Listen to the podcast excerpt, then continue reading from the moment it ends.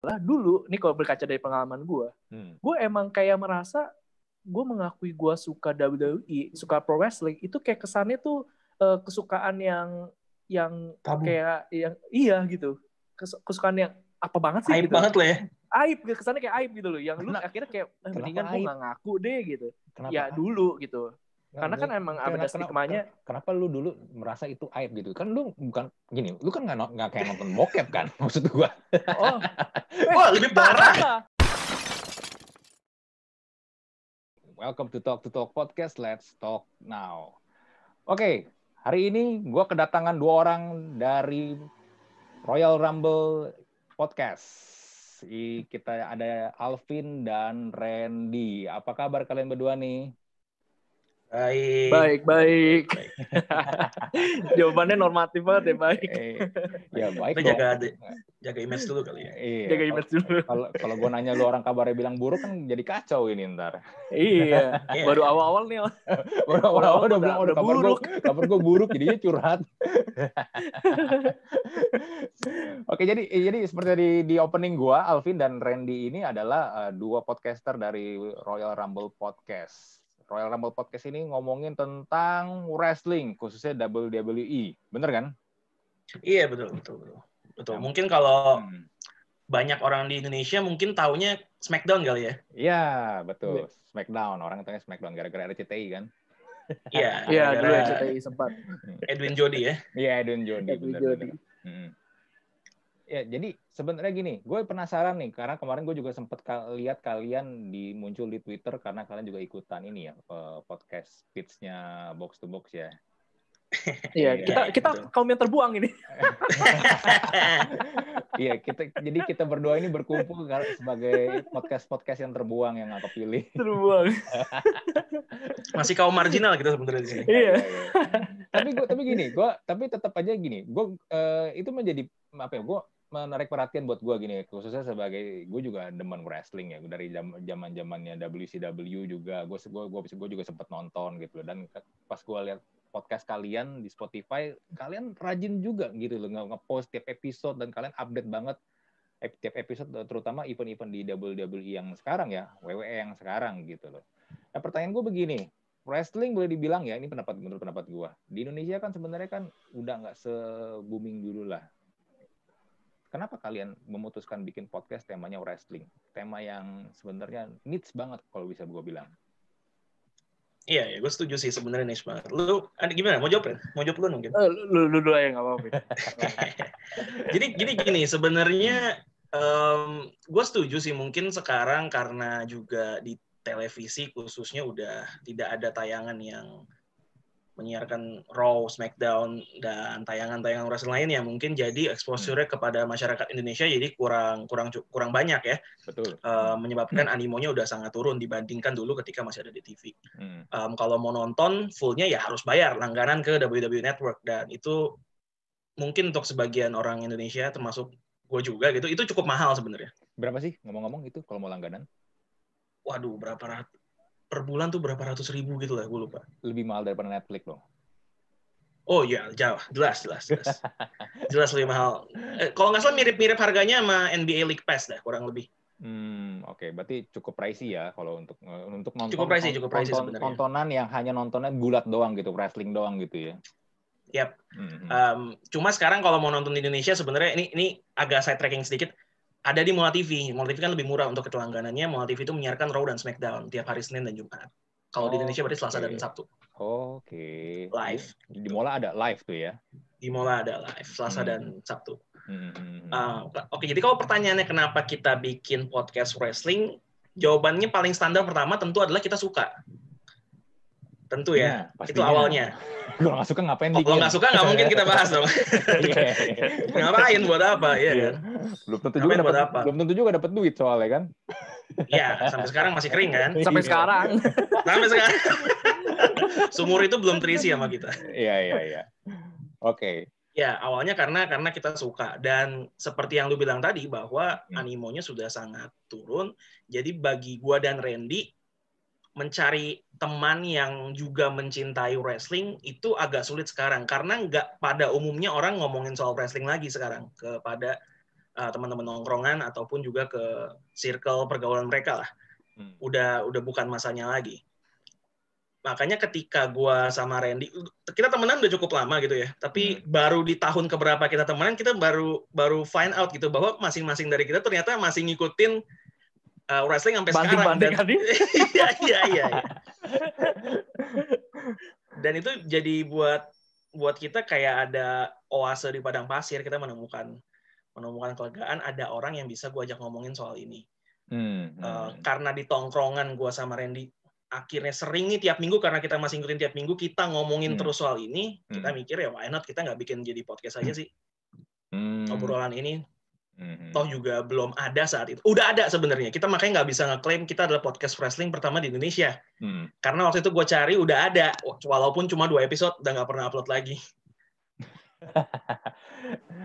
Kalian cukup rajin ya, ada 80-an lebih kok nggak salah ya episode ya. Udah 80, iya. Ya.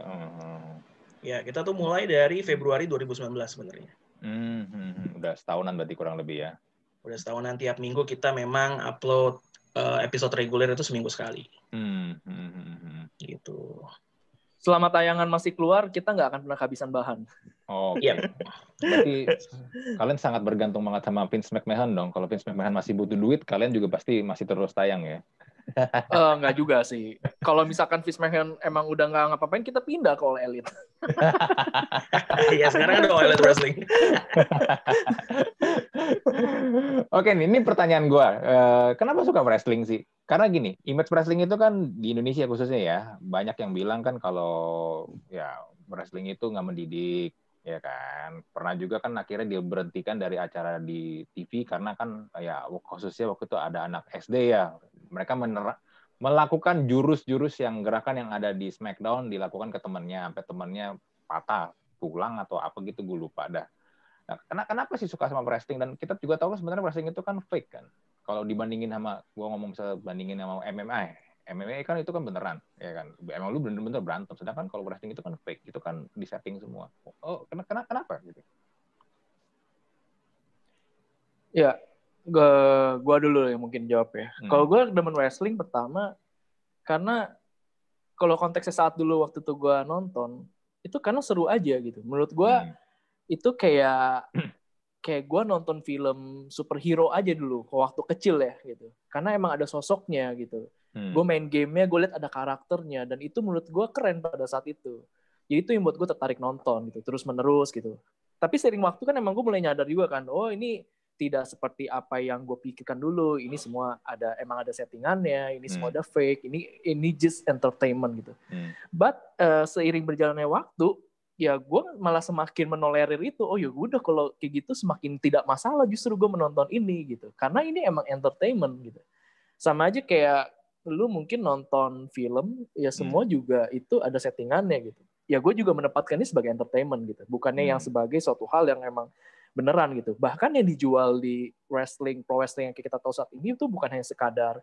pertandingan match gulat gitu tapi hmm. ada storyline-nya yang buat orang tuh bisa ikutin tiap uh, minggu ke minggu oh ini kelanjutannya kayak gimana dan itu hal yang menurut gue itu menghibur gitu uh, menurut gue gue gue bisa akhirnya menyamakan kayak ini kurang lebih gue kayak nonton uh, film series aja gitu yang berlanjut terus gitu dan hmm. ini bisa gue ikutin gitu jadi yang bikin gue suka apa saat ini karena itu memenuhi unsur entertainment buat diri gue sih gitu jadinya gue menikmati tayangan tersebut hmm, hmm. paling kayak gitu itu ya dari gue mungkin Alvin yeah. punya jawaban yang beda iya yeah um, ini kemarin sempat ya kan lu sempat nyinggung soal podcast pitchnya box to box ya. Ini sama hmm. gua sama Randy sempat bahas di episode singkat yang kita kirim untuk audisinya. Oh, Oke. Okay. Hmm. Kalau ada orang yang bilang ngapain sih gue nonton wrestling sementara itu fake, ya lu nggak usah nonton film berarti. Hmm. Karena sama-sama fake tuh. ngapain lo nonton film wrestling fake itu fake. Hmm, Jadi kalau menurut gue karena kalau fake harusnya nggak jadi masalah karena banyak sekali tontonan kita yang fake juga um, kalau alasannya kenapa gue suka wrestling pertama mirip ya sama, sama Randy tentu tentunya pas kecil ada di TV ada di game di PlayStation kita main semua hmm. um, dan pada saat itu kan semua anak laki-laki tuh kayaknya ingin berlomba-lomba untuk jadi uh, alpha wolf gitu loh pengen jadi orang yang leader hmm. of the pack pengen jadi orang yang dipandang, pengen orang yang kayaknya hebat lah. Hmm. Dan dan beberapa sosok yang melambangkan kehebatan itu di mata gue ada di ada di wrestling dalam karakter-karakter macam The Rock, Triple H dan lain-lain. Iya. Hmm. Itu yang menyebabkan salah, satu seperti bajunya si Andri.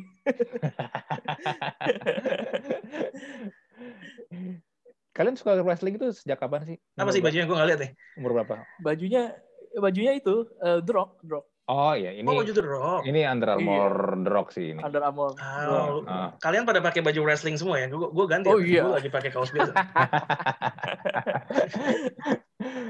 anyway. Umur berapa ya suka wrestling? Iya, yeah, kalian suka, um, mulai kapan sih suka sama wrestling? Gue dari SD sih. Umur umur exactnya gue lupa, tapi dari SD. Gue lupa ya. Kayak kelas 5 kelas 6 deh gue pertama kali nonton uh, SmackDown. Tapi main gamenya itu udah kisaran umur segitu juga kelas 5 kelas 6. Tunggu dulu nih. Iya, masih celana ngomong, masih celana ngomong, merah. Ngomong-ngomong SD kelas 6, lu orang SD kelas 6 tahun berapa? gue SD kelas 6 tuh tahun uh, eh, 2004 kali ya. Ya gue 2011. Kalau Randy 2000. Hah? Eh 2011, 2001. 2001. lu apa SD 2001. lu SD 2001. Gua 2001 gue udah kuliah cuy. Jadi kita ternyata beda umurnya lumayan jauh ya. Oh. kita hormat dulu. Iya. Kita hormat dulu gitu. ya, anyway, uh, berarti ya biarpun kita punya perbedaan umur jauh, berarti kan kita tetap tetap merasakan masa-masa di mana waktu itu berarti akhir 90-an awal 2000-an di mana ya wrestling di Indonesia lagi jaya-jayanya tuh ditayangin di TV kan lagi seru-serunya yeah. dan dan gamenya juga waktu itu Smackdown juga wah tuh ramai banget salah satu game wajib dimainkan di PS tuh di PlayStation kan ya Smackdown satu yeah. sama Smackdown 2 nah terus kalian sekarang ini uh, kan sekarang ini bikin podcast ya kan? Bikin podcast uh, tentang gulat. Berarti kan kalian sampai sekarang ini kan masih tetap menjalankan hobi kalian dan yang kali dan akhirnya menjadi sebuah konten buat kalian kan? Nah kalian ngerasain nggak sih ini karena kalian yang lebih ngikutin ya jujur gue udah gue udah gue udah gak ngikutin lagi nih untuk wrestling. Karena menurut gue di satu sisi wrestling itu makin lama makin ke sini makin membosankan uh, kalian ngerasain gak sih apa yang gue rasain sekarang ini? Sebenarnya itu perkembangan wrestling itu terutama untuk storyline untuk juga para wrestler wrestlernya tokoh terus uh, apa istilah istilah WWE superstar ya istilahnya kalau di WWE kan ya.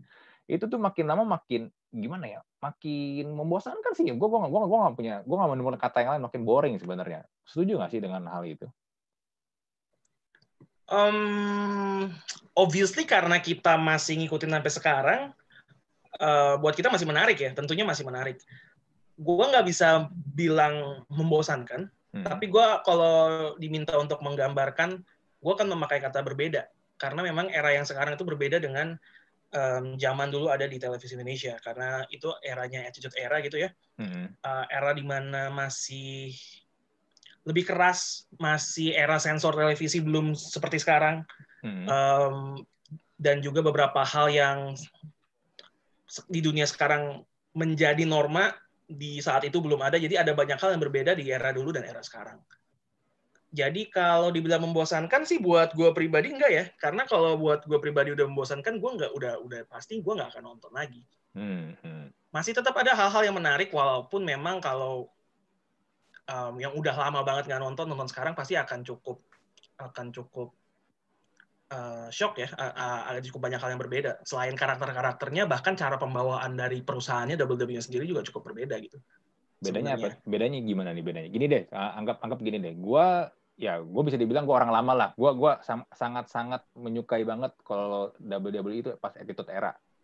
Even sampai sekarang pun di YouTube gue suka gue masih suka nonton tayangan-tayangan ulangnya lah yang suka di upload. Even okay. even channel WWE sendiri masih ini kan suka upload kan pertandingan-pertandingan yeah, yang betul. udah udah udah lama kan. Dan kalau lu baca komen-komennya lu perhatiin orang-orang banyak banget yang komen begini, ini pertandingan biasa doang, even cuma match card di SmackDown atau di Raw doang, tapi ini jauh lebih seru dibandingin pertandingan-pertandingan pay-per-view di WWE zaman sekarang ini, era sekarang ini.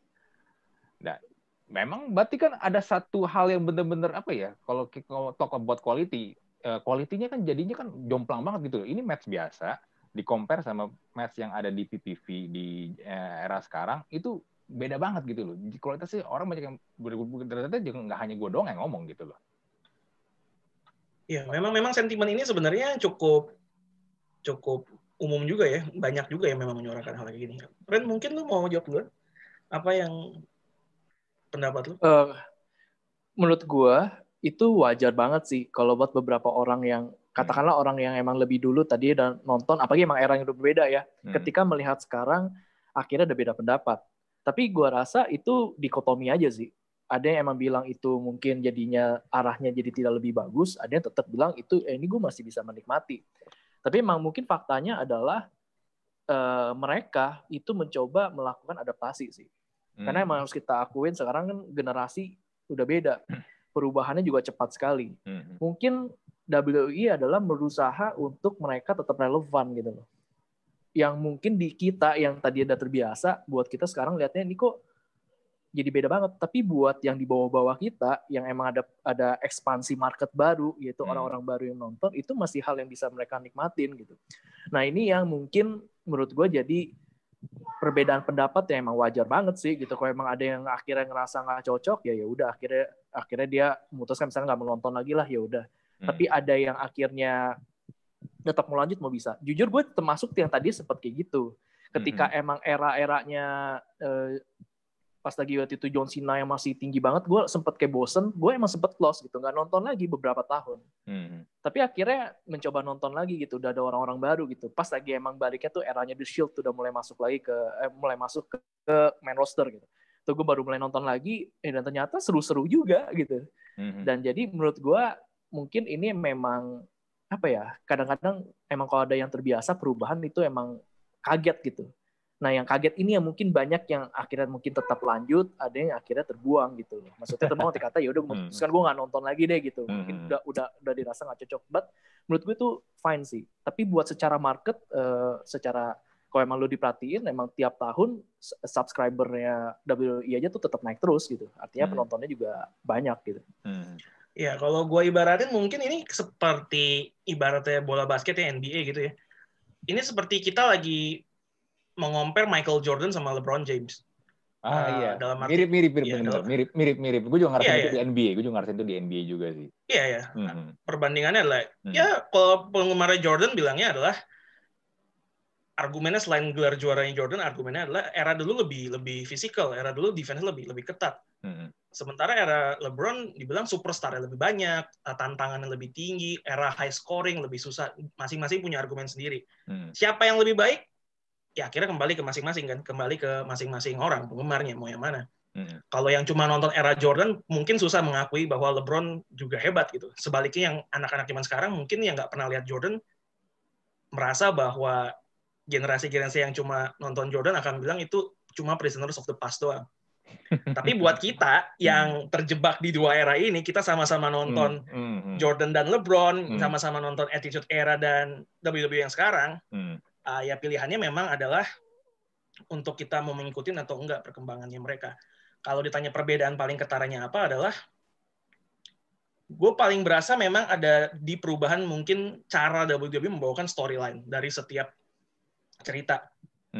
Kalau dulu ya itu era memang kental banget sama storyline itu jadi salah satu selain dari matchnya sendiri itu jadi salah satu yang paling membuat WWE bersinar saat itu.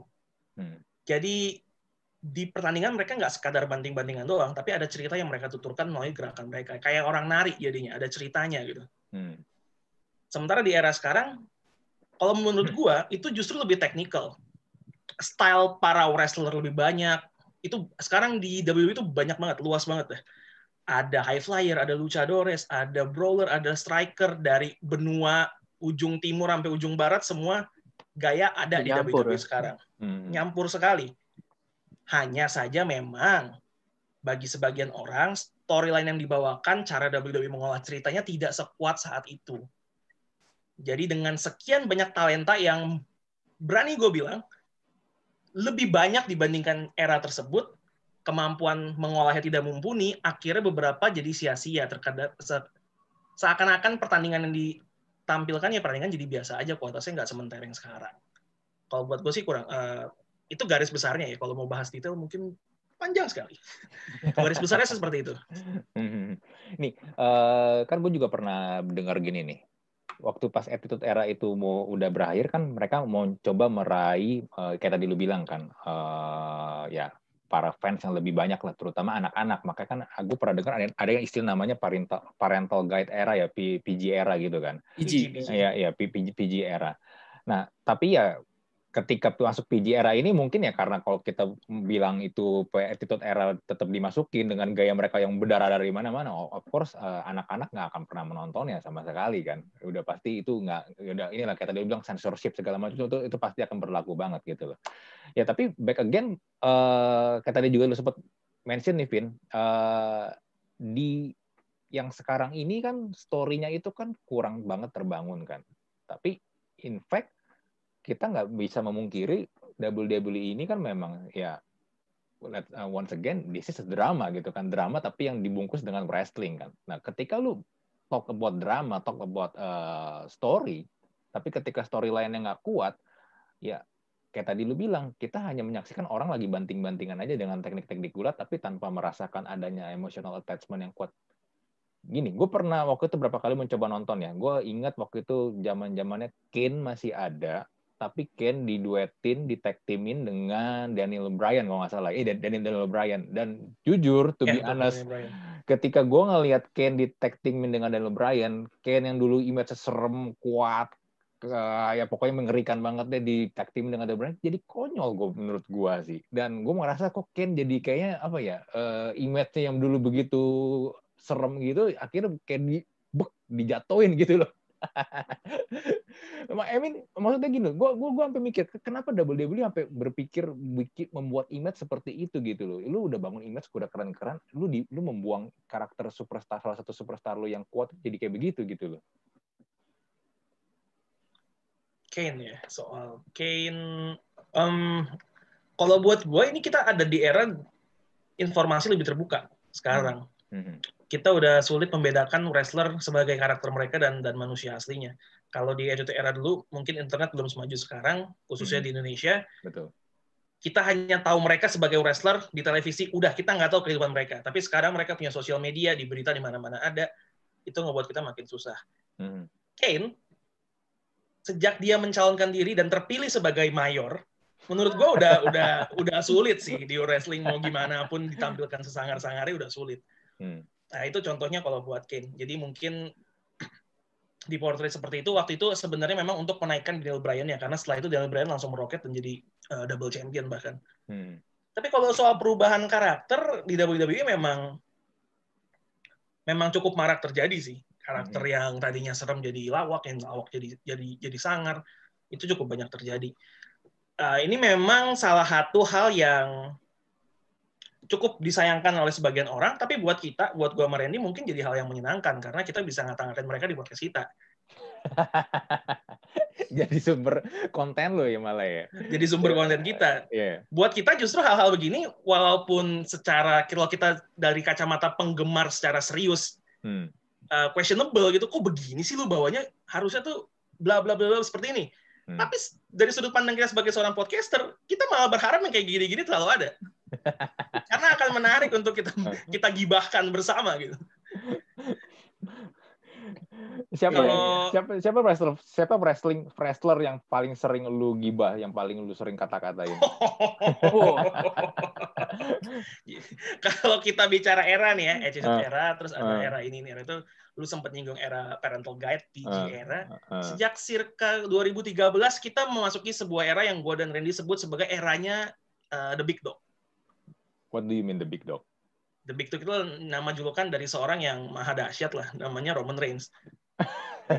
Bajunya yang ini nih. Bajunya sedang dipakai Randy sekarang. Roman Reigns itu kan sepupunya The Rock kan? Yes, yeah, true. Yeah, yeah. sepupunya The Rock kan? True. True. True. Masih saudara sama The Rock. Masih saudara sama The Rock. Hmm. Yang paling sering kita gibahin sih dia sih, karena dia agak-agak bootleg John Cena gitu ya, kayak terlalu superior, menang terus, terus kayak banyak lah banyak hal yang digibahin dari dia emang emang paling enak dia sih buat digibahin entah kenapa emang dia, ya, dia sering sering sebut lah jadi ya tapi somehow catchphrase dia jadi closingnya podcast kita setiap episode iya Emang catchphrase dia kayak gimana? Ini kan back again ya. Gue udah gak pernah nontonin lagi, jadi gue gak tahu catchphrase dia gimana. Iya. Yeah. Catchphrase tuh simple, cuma cuma cuma dua kata sebenarnya. Believe Dua kata, that. ya. Believe, believe that. Believe that. Believe that. Jadi lu mau masukin ke mana pun ya Hmm. bisa kayak kita misalnya closing. Uh, we will see you guys again next week and you can believe that. Gitu doang, gitu simple kan. Iya. Lu mau pakai di mana pun bisa. J- eh, ya. Eh, dia jadi si Roman Reigns ini lu sebut sebagai bootlegnya John Cena karena Bootleg John Cena. karena terlalu kuat image-nya. Tapi kan John Cena pas lagi zaman dia lagi lagi hype-hype kan juga memang sering dikatain apa ya? Superman lah atau apalah kayaknya susah banget kalah gitu. Terlalu sering dimenangin dulu juga kan. Ya, itu makanya efek pohon semakin tinggi semakin kencang anginnya gitu. Jadi emang ada, ada banyak juga yang haters saya sebenarnya. Iya, tapi tapi memang benar sih John Cena tuh memang diportraynya sebagai ya seperti itu karena memang Hmm. image yang ingin ditunjukkan adalah like a superhero buat anak-anak. Kan makanya John Cena kan suka dikatain kayak uh, Patriotik kalau banget lah ya. Gitu. patriotik sebenarnya tapi bajunya kan warna-warni sebenarnya untuk Warna-warni. appealing to the younger audience kan. Hmm. Sampai suka dikata-katain sama fans yang lebih tua, lu tuh kayak fruity marble deh. Gitu.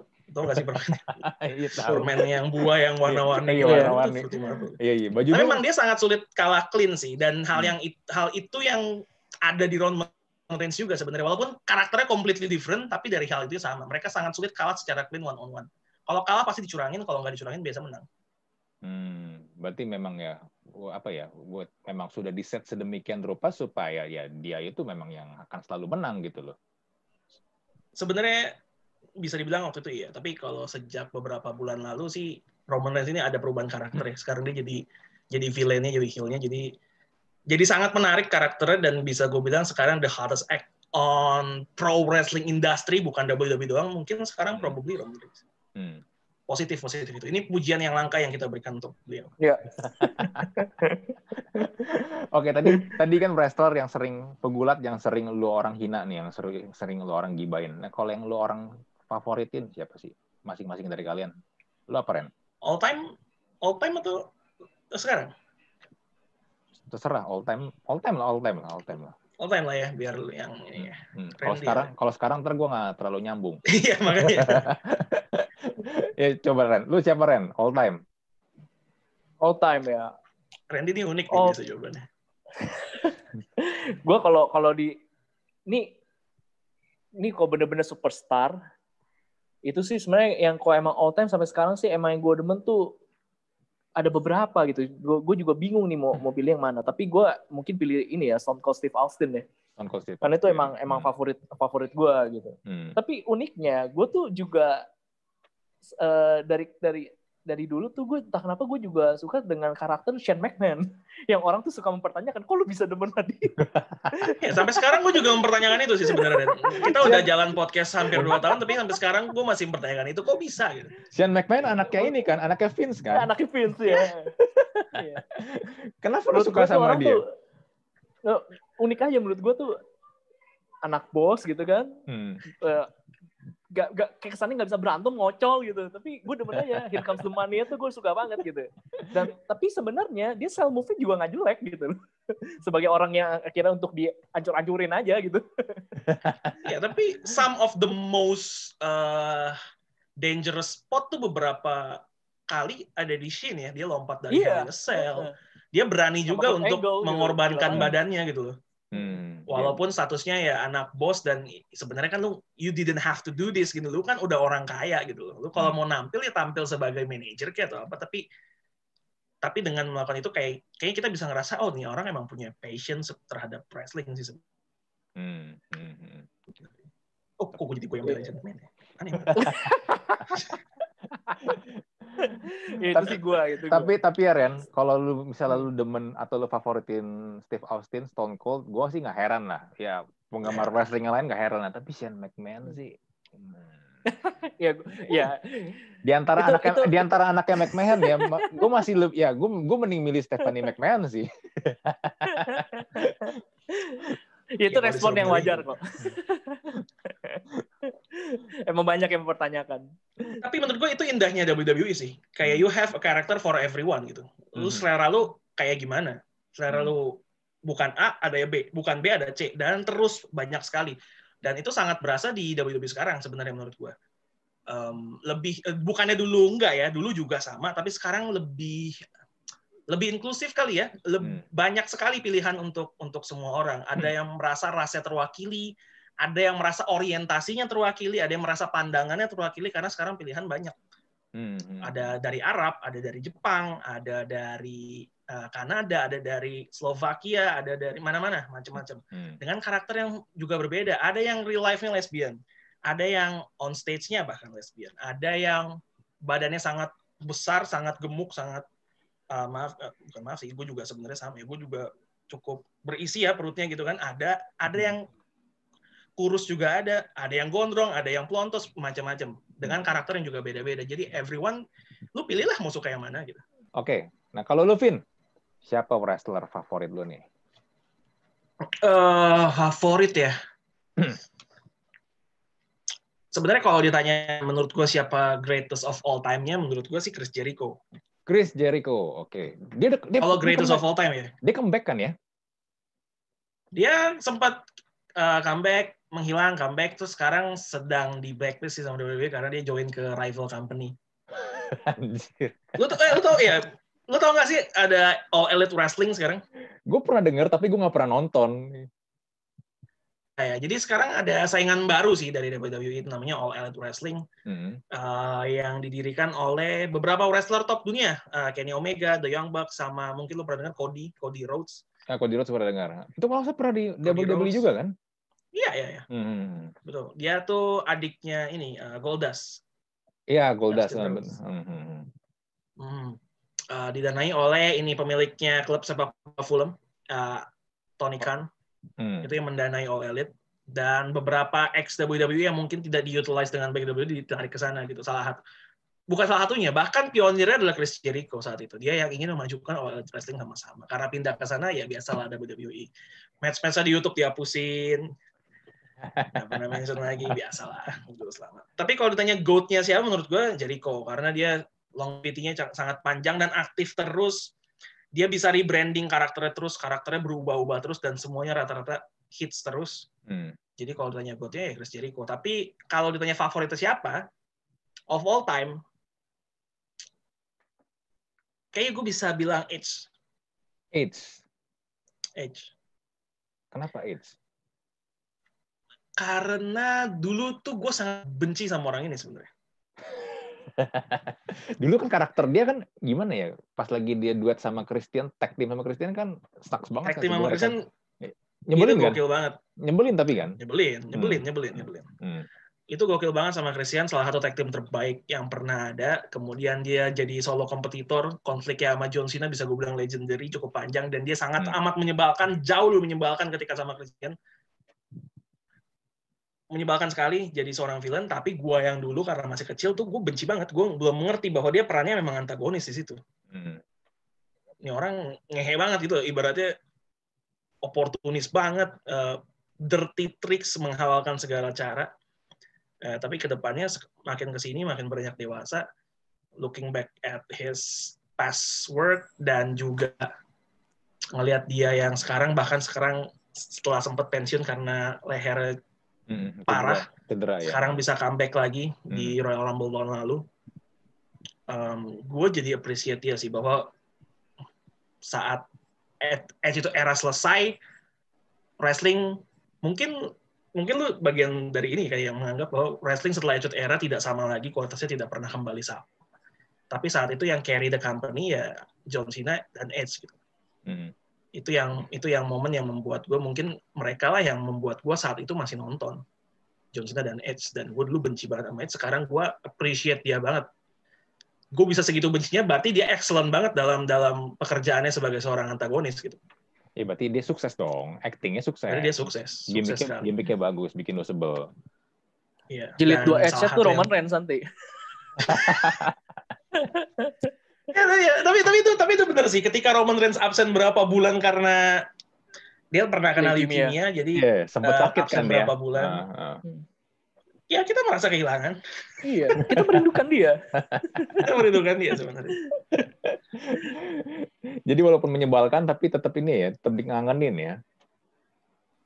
Iya, memang kadang tuh gitu kali ya kita kalau ada orang yang nyebelin sama kita tapi nyebelinnya sering gitu ya. Tiap hari nyebelin ke kita begitu dia nggak ada, kita akan kangen sama sebelnya sebenarnya. Hmm, hmm, hmm. Kali. Kali. tapi eh tapi gini loh, di eh, yang pas zaman-zaman gue masih nonton ini ya, WWE ya. Hmm. Tapi itu kan memang yang sebenarnya bikin kita gemes kan. Let's say gini dah. Kalau zaman dulu kan yang protagonisnya kalau di sini di WWE disebutnya face kan. Itu kan face. kayak iya kayak kayak The Rock, kayak Steve Austin atau mungkin Undertaker ya kan itu kan kalau misalnya mereka lagi match terus tiba-tiba musuhnya datang royokin mereka kita kan gemes banget kan sebel banget kan. Apalagi let's say pas Triple H lagi bener-bener apa heel banget tuh yang antagonis banget kan dia kan mainnya keroyokan kan main keroyokan dikeroyok udah loh itu pas, apalagi pas zaman kita masih umur-umur segitu pasti kan ih ini orang kok kasar banget sih ini orang kok um, berani keroyokan doang sih nggak berani one on one segala macam tapi kan ketika kita masih ngerasakan hal itu ya berarti kan it works mereka berhasil kan bikin kita sampai yeah. sesebel itu kan iya. padahal, yeah. padahal kenyataannya sebenarnya mereka ya di backstage ya temenan oh, iya. benar benar backstage temenan benar gue benar justru botch-botch yang kayak gitu kok yang hmm. sering kita bercandain juga momen-momen kayak gitu sering kita bercandain karena memang nggak masuk akal hmm. contoh yang paling sering kita bahas sih salah satu yang paling sering kita bahas tuh ini uh, The Rock ya semua orang tahu The Rock lah ya hmm waktu itu The Rock mau dikeroyok sama ada namanya satu faction namanya The Wyatt Family empat orang orang kalau nggak salah. Udah hmm. dikelilingin The Rocknya di tengah ring somehow musiknya John Cena main diputar dan John Cena muncul di entrance. Entrance jauh banget lagi WrestleMania hmm. entrance jauh banget. Musiknya John Cena muncul mau nolongin The Rock tapi dia gaya-gaya dulu. Ada lagi gimmick-gimmicknya dulu kan. Bentangin handuk nunjuk-nunjuk kamera ngomong-ngomong dulu. Itu yang harus yang royok The Rock. Nungguin John Cena datang loh nyantai-nyantai nungguin ngeliatin John Cena, dropnya juga ngeliatin John Cena gitu kan. Maksud gua kabur aja dropnya kan bisa kabur gitu itu yang kan, juga kenapa harus nunggu orang? Keroyok aja udah. Itu kan kayak ini kayak Power Rangers lagi berubah. Musuhnya nungguin mereka berubah dulu kelar baru berantem. Betul. Betul. Nah itu WWE harus kita lihat kayak gitu menurut gua. Kita harus lihat dengan secara ringan lah. Kalau secara oh, iya. ringan hal-hal kayak ya, gitu ya. iya, bisa kita bisa yeah, kita yeah. bercandain, kita nikmatin. Betul. Jangan pakai logika lah kalau nonton WWE. Nikmatin aja kayak film fiksi. Iya betul betul betul. ya sebenarnya kan begini kalau kita mau talk about logic lagi ya, lu kan kalau ditonjok at least ditonjok sekali juga kalau kena muka lu pasti ada memar lah, ada bonyok kan. Nggak mungkin nggak kan. Lu, tapi kalau ini lu lihat di yeah. ditonjok berkali-kali kok mukanya nggak napa-napa, ya kan. Tapi ya gitu, dulu pas gue masih kecil, pas lagi nonton begituan, gue berusaha di, gue denial sih. Tuh biasa gue denial. Itu beneran kok ya itu memang karena mereka kuat aja, tahan aja makanya nggak ini. Tapi setelah sekarang lu tahu rahasianya. Ketika misalnya lu lihat itu orang palanya dihantam ke tangga, ternyata kan tangannya nahan kan, muka mukanya tuh nggak kena tangga ternyata. Tapi karena cepet ya nggak nggak kelihatan karena juga kameranya kan jauh kan. Iya iya, ya, jangan jangan kan ditampol The Rock lah. Ditampol Bang Jarot di pengkolan ojek juga pasti bocor. Iya. Gak usah The Rock. Tapi justru itu sih malah menurut gue, gue pikir hmm. tuh malah survive. Karena emang sekarang WWE kan udah lebih terbuka gitu. Mereka pun juga eh, nggak uh, nggak nggak menolak juga bahwa kalau emang ada anggapan itu fake gitu. Justru menurut gue malah gara-gara ada itu juga sih akhirnya bisa bisa bertahan sampai sekarang. Kalau justru dia bilangnya ini enggak ini ini emang kita serius beneran menurut gue malah hilang kali WWE. iya, orang mau, ya itu mau ngomongin siapa kan? Orang udah iya. tahu lah di era sekarang. Ya, anyway, ini gue ada yang penasaran juga nih satu nih. Let's say gini, kalau misalnya one day WWE bikin acara di Indonesia, kan setahu gue mereka pernah bikin acara pernah sampai di sampai di Singapura ya. Iya. Nah, Singapura. Menurut kalian, apakah akan hype-nya gede di Indonesia? Karena ya kita tahu lah di Indonesia dengan segala karakter masyarakat dan kejulitannya ya yang dan juga belum familiar dengan sport entertainment. What do you think guys?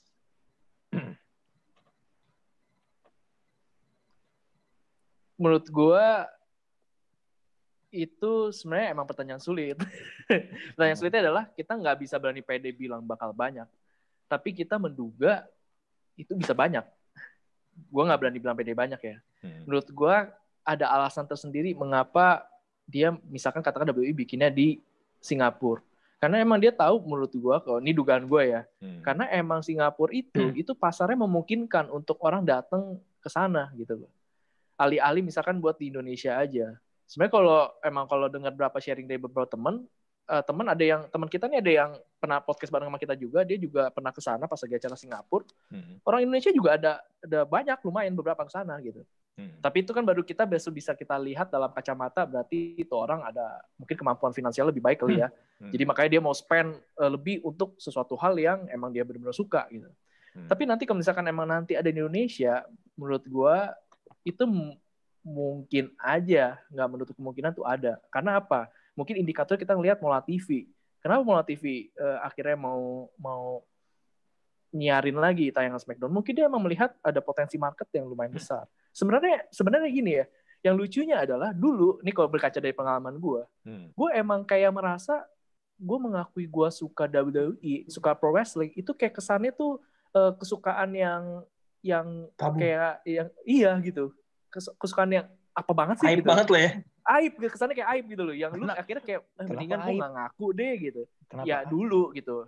Nah, karena kan emang kenapa, ada stigmanya. kenapa lu dulu merasa itu aib gitu? Kan lu bukan gini lu kan nggak nggak kayak nonton bokep kan maksud gua.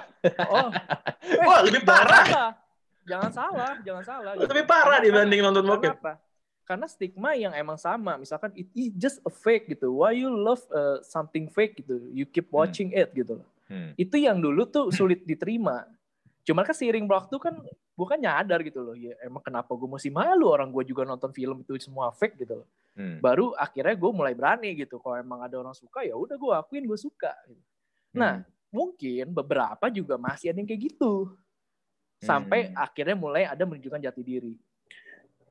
Podcast uh, Royal Rumble ID juga sebenarnya punya mengusung misi yang sama gitu loh. Hmm. Maksudnya kalaupun ada yang masih merasa demikian, lu nggak sendirian gitu loh kita nih kita nih ada komunitasnya bahkan kalau Alvin Alvin yang sebenarnya mungkin lebih tahu banyak lah soal ini hmm. uh, Alvin tuh udah uh, berapa kali udah udah riset juga menyusuri beberapa komunitas-komunitas wrestling dan itu isinya ternyata juga banyak banget gitu loh hmm. dan itu hmm, banyak banget itu. Dan itu menunjukkan bahwa ya kita nggak sendirian apalagi respon-respon di Twitter gitu kan juga yang akhirnya kita ngobrol ada timpalin gitu.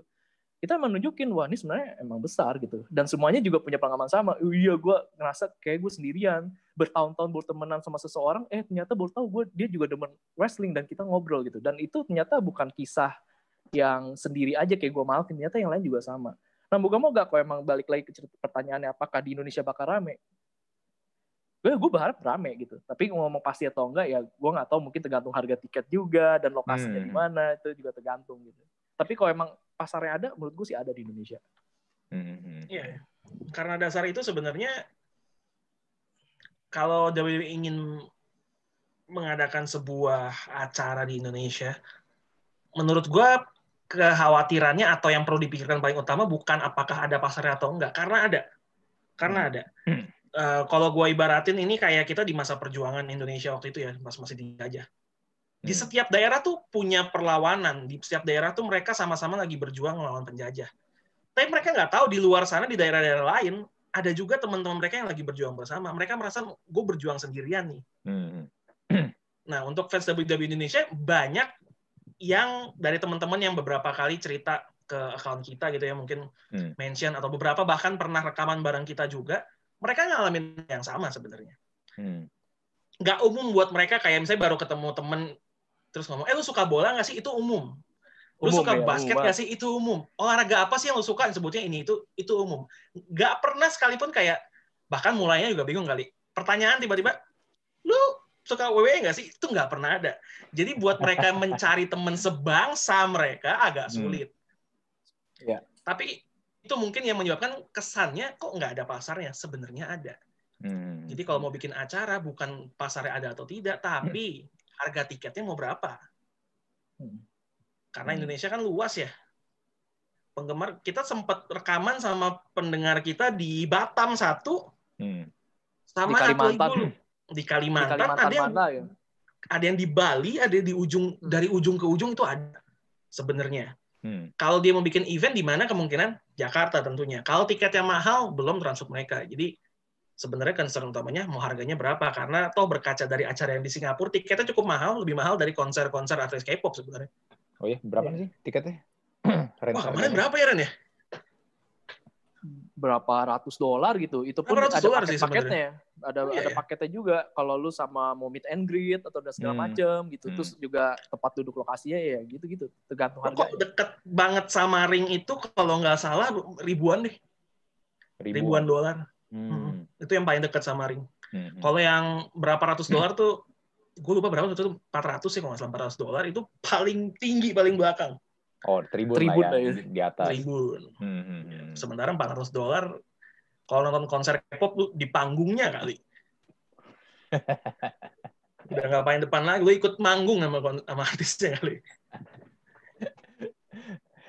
ya, Taman gini loh, concern kalian tadi itu yang kalau misalnya kalau mungkin pengakuan ya, misalnya kalau gue demen pro wrestling, gue demen WWE, apalagi di era sekarang itu kesannya kayaknya, aduh kok kayaknya tadi siapa Randy bilang kok tabu atau aib gitu.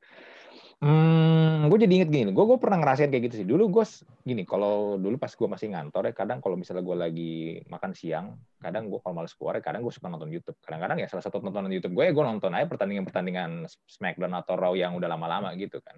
Pernah ada satu orang ngeliatin gue lagi nonton, eh ya dia mungkin karena dia tahu gue ya gue gue gue udah umur 30 lebih tapi nonton begituan dia nanya kok lu mau nonton kayak gituan sih kayak bocah lu nonton begituan Exactly, exactly.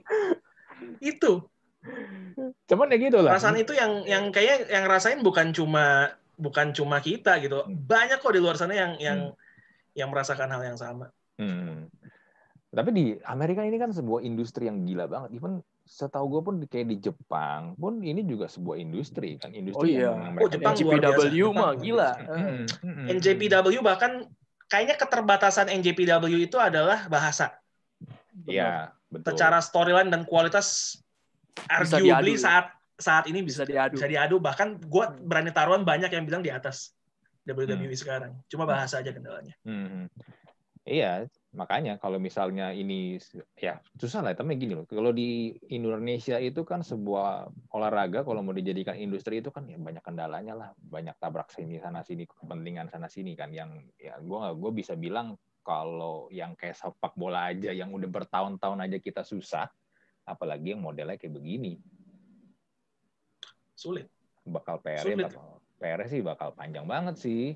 Andaikan mereka bisa yeah. datang sekali dua kali pun juga gua gua nggak terlalu ini juga ya. Uh, gua gua nggak terlalu optimis juga lah. Karena gini, kalau ngomong bola aja berapa kali klub-klub Eropa datang ke sini aja ya udah datang ya sekedar hanya sebuah event habis itu bye apa gitu nggak, nggak, nggak ada ini kan nggak, nggak ada nggak ada yang bikin sesuatu yang berbeda kan di Indonesia kan sepak bola kan kalau talk about sepak bola ya apalagi yang modelnya baru kayak seperti sport entertainment yang orang jarang ini gitu ini itu itu itu itu, itu, itu pendapat gue sih ya mungkin kalau misalnya tadi bat kalau gue boleh jawab pertanyaan gue tadi mungkin ya paling mentok-mentok kita paling ya mau nggak mau harus ke Singapura paling deket kalau misalnya mereka lagi tur atau mungkin ya, Australia ya, selama selama kartun Doraemon pas Shizuka lagi renang masih disensor sulit.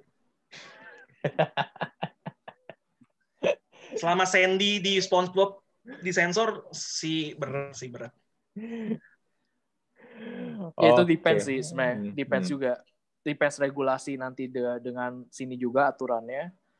Uh, tapi kalau misalnya tadi ngomongin sama Andri, gue ngerasa akan jauh lebih sulit kalau emang dalam konteks kita benar-benar mengadakan.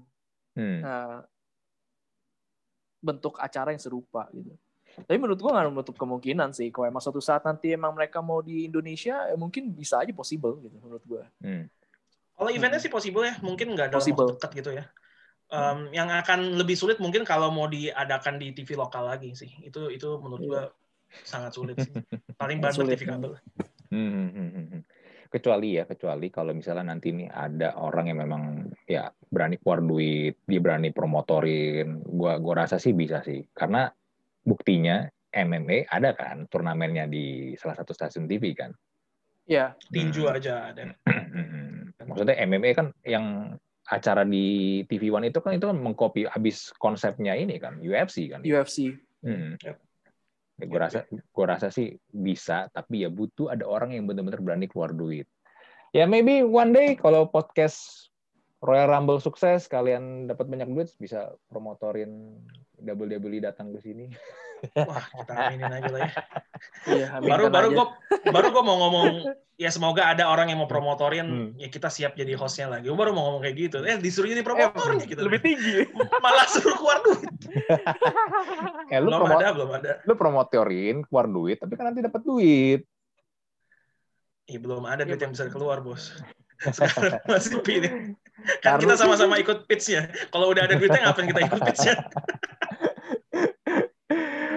Oke deh, thank you banget loh buat Royal Rumble Podcast nih. Udah banyak sharing-sharing tentang pro wrestling, WWE ini. Gue jadi nostalgia banyak banget nih. Karena ya, Ya, dari, sebenarnya sebenarnya ya seba- sebagai sebagai closing nih sebuah eh, sebenarnya dari kapan tuh gue pengen nyari orang yang bisa gue ajak ngomong tentang WWE gitu. Tapi siapa yang bisa gue ajak ngomong ya kan siapa yang bisa gue ajak diskusi buat di podcast ya gue nonton WWE aja di YouTube aja gue dianggap tontonan bocah Lebih sulit mengakui kita nonton WWE dibanding kita nonton bokep. iya kayak nonton, Definitely. iya nonton bokep lebih ada kebanggaan ya Iya, lebih gampang kayak, kok. oh lah. iya. Malah lebih gampang ngomongnya. Eh lu udah nonton belum ini? Ya, Lebih terbuka ngomongnya. Iya, Lebih terbuka. lebih Iya. terbuka eh. Iya. Kalau ini tuh aib banget lah kayaknya Ya. kesannya. Dulu. dulu Dulu. Dulu. Sekarang we don't care. Oke, jadi buat yang nonton dan dengar podcast kali ini, ingat ya, nonton gulat atau nonton pro wrestling itu bukan aib. Ingat itu, nggak usah malu.